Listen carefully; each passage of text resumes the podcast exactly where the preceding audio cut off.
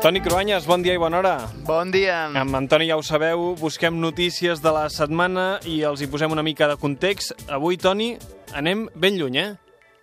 We have postponed election for seven days, and the election is going to take place on the 30th of December this year.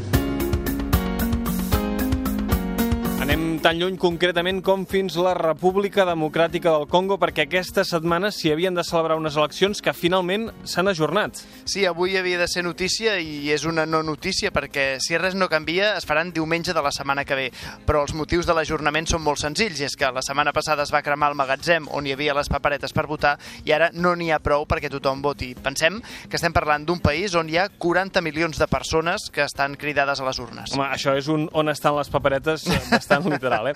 Però, Toni, malauradament, parlar d'eleccions a l'Àfrica Central, això sí que és notícia per ella mateixa. Sí, per desgràcia, la democràcia és insòlita perquè tots els països han tingut una història recent de violència, de desigualtats, clans enfrontats amb molta més força que l'estat de dret i per això l'ONU parla de les eleccions a la República Democràtica del Congo com una oportunitat històrica.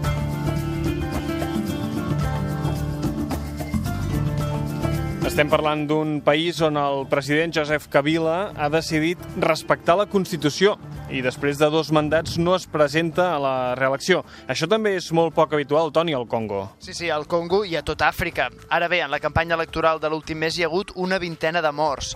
Estem parlant d'enfrontaments tribals a l'oest del país entre dos clans rivals, els Batente i els Babunu, però sobretot els morts en mítics electorals. Hi han mort 10 persones. Tres van aparèixer degollades a la seu del partit del president. Caram. I des de la descolonització, de fet, la, la història política del Congo ha estat, diríem que més aviat poc democràtica i més aviat força violenta, eh? Sí, amb guerres civils, amb un canvi de nom del país. Recordaran alguns que abans es deia Zaire Sí. durant els anys del dictador Mobutu, però els problemes, com gairebé a tota Àfrica, tenen el seu origen en els anys del colonialisme, especialment al Congo belga. I això que precisament, per ser al mig de la desconeguda Àfrica negra, va ser l'últim territori que es va explorar i explotar per part de l'home blanc occidental. Aparentment tot va començar amb una expedició científica, altruista, ben intencionada, del gran aventurer i heroi Henry Morton Stanley. Per primera vegada, un blanc va ser capaç de seguir el curs del riu Congo, que era l'últim gran misteri de l'exploració africana. És un dels rius més grans i cabalosos del món. Les seves històries, les seves aventures, explicades als principals diaris del món, van fascinar l'opinió pública occidental, entre ells el rei dels belgues, Leopold II. I mentre als palaus d'Europa del segle XIX i a conferències com la de Berlín s'hi feia política, a l'Àfrica hi havia una lluita de dominació eh? i una explotació ferotge. Això, això era el pa de cada dia allà. Sí, els francesos, britànics, Alemanya, fins a cert punt Portugal, controlaven la resta del continent que havien anat colonitzant des de les costes, però al vell mig de la selva, el territori del Congo havia estat inexpugnable fins aleshores. Henry Morton Stanley, en la seva expedició, ja va descobrir que hi havia tribus descoordinades que controlaven parts petites d'aquell territori i, sobretot, que hi havia recursos naturals molt atractius. Així que, llegint les seves cròniques a la premsa europea, un nou país amb un rei ambiciós i també nou en el tauler dels escacs colonials va veure-hi una oportunitat. I aquest rei ambiciós era Leopold II de Bèlgica, que creia que el seu país necessitava colònies per poder-se consolidar i ser una potència. Sí, ell ho creia. El seu govern no hi estava d'acord, però ell deia justament de Bèlgica, que era un país petit, amb gent petita, i per això va buscar i intentar comprar territoris en altres parts del planeta. Però amb les aventures de Stanley al Congo se li va fer la boca aigua pel que ell mateix descrivia com un tros del pastís africà. Com que no tenia el suport del seu govern i per no aixecar sospites de les potències rivals, amb Stanley van crear una agència de fraternitat africana que havia de gestionar el Congo per aportar valors i ajuda occidental als pobrets africans. De fet, allò era una gran campanya de relacions públiques. Sí, Stanley va crear un seguit de llocs comercials al voltant del riu Congo i el rei dels belgues, que ja tenia una gran fortuna personal pròpia, deia que a canvi dels recursos naturals ell hi feia arribar medicines, material d'escoles, aparells de tecnologia per millorar la vida dels congolesos.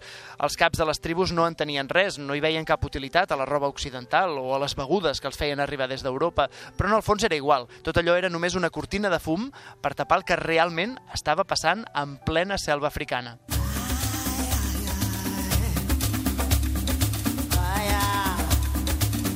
que passava en plena selva africana, doncs que en realitat, i sense que ningú veiés, o com a mínim ningú ho expliqués a la resta del món, al Congo d'allà en sortien els recursos naturals i en canvi només hi entraven caixes d'armes i municions. Això ens sona també d'avui fins i tot. Sí, soldats belgues i mercenaris que treballaven per l'agència del rei Leopold van esclavitzar, torturar i assassinar els congolesos per explotar-ne les seves riqueses. Durant nou anys, sense que l'opinió pública internacional ho sospités, la propaganda del que en van dir l'estat lliure del Congo va ser tan efectiva que es va permetre un grup molt reduït de persones, amb el rei Leopold al capdavant, que controlés durant 9 anys un territori que era 76 vegades més gran que Bèlgica. Fins que un dia uns periodistes van adonar-se que en els carregaments oficials dels vaixells que anaven al Congo, les caixes i els contenidors que hi enviaven no contenien res del que oficialment es deia, només armes. Fixa't el, el valor del periodisme una vegada més i així es va acabar descobrint la, la veritat del Congo belga. Sí, el 1901 va començar la primera campanya humanitària internacional d'ONGs i de premsa. Hi van participar intel·lectuals molt reputats d'aquell moment, com a Londres Arthur Conan Doyle, l'autor de Sherlock Holmes, o Mark Twain als Estats Units. Va ser quan es va descobrir que l'explotació del Congo havia acabat amb la meitat de la població d'aquell territori. Uns 10 milions de morts. Només es pot dir una paraula genocidi. 10 milions de morts i m'estàs dient que l'opinió pública n'havia quedat totalment al marge? Sí, sembla mentida. Avui seria impossible, no? Amb Twitter, amb càmeres, amb mòbils a tot arreu. Probablement el govern belga ja ho sabia, però volia evitar el conflicte amb el seu propi monarca. La resta de potències colonials no tenien gaire cosa a denunciar perquè ells tampoc feien grans acusacions contra l'explotació del Congo si ells feien coses semblants a la resta del continent. Al final, la veritat va emergir i va ajudar que Occident es prengués consciència de la necessitat de descolonitzar Àfrica. Encara es trigaria anys, però a partir de la dècada dels 40 del segle passat es van anar declarant les independències dels països colonitzats. Això sí, el mal provocat per la colonització i l'explotació occidental és a l'arrel dels conflictes violents i del subdesenvolupament que es viu a l'Àfrica encara avui. D'això algun dia també n'haurem d'acceptar tots plegats les culpes. És interessant, Toni, això que dius en el sentit que, que parles d'una mena de descolonització en dos temps. Eh? Primer es desposseix el rei, perquè allò era una propietat privada, i després es desposseix la categoria de colònia i el país eh, passa a ser independent. Si et sembla, Toni, el que farem ara és arribar fins a les 9 amb una cançó que ens arriba precisament des del Congo.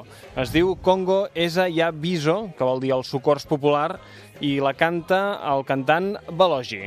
Música africana, perfecte, gràcies. Doncs vinga, et veiem ara a Plaça Catalunya. Fins ara. Fins ara.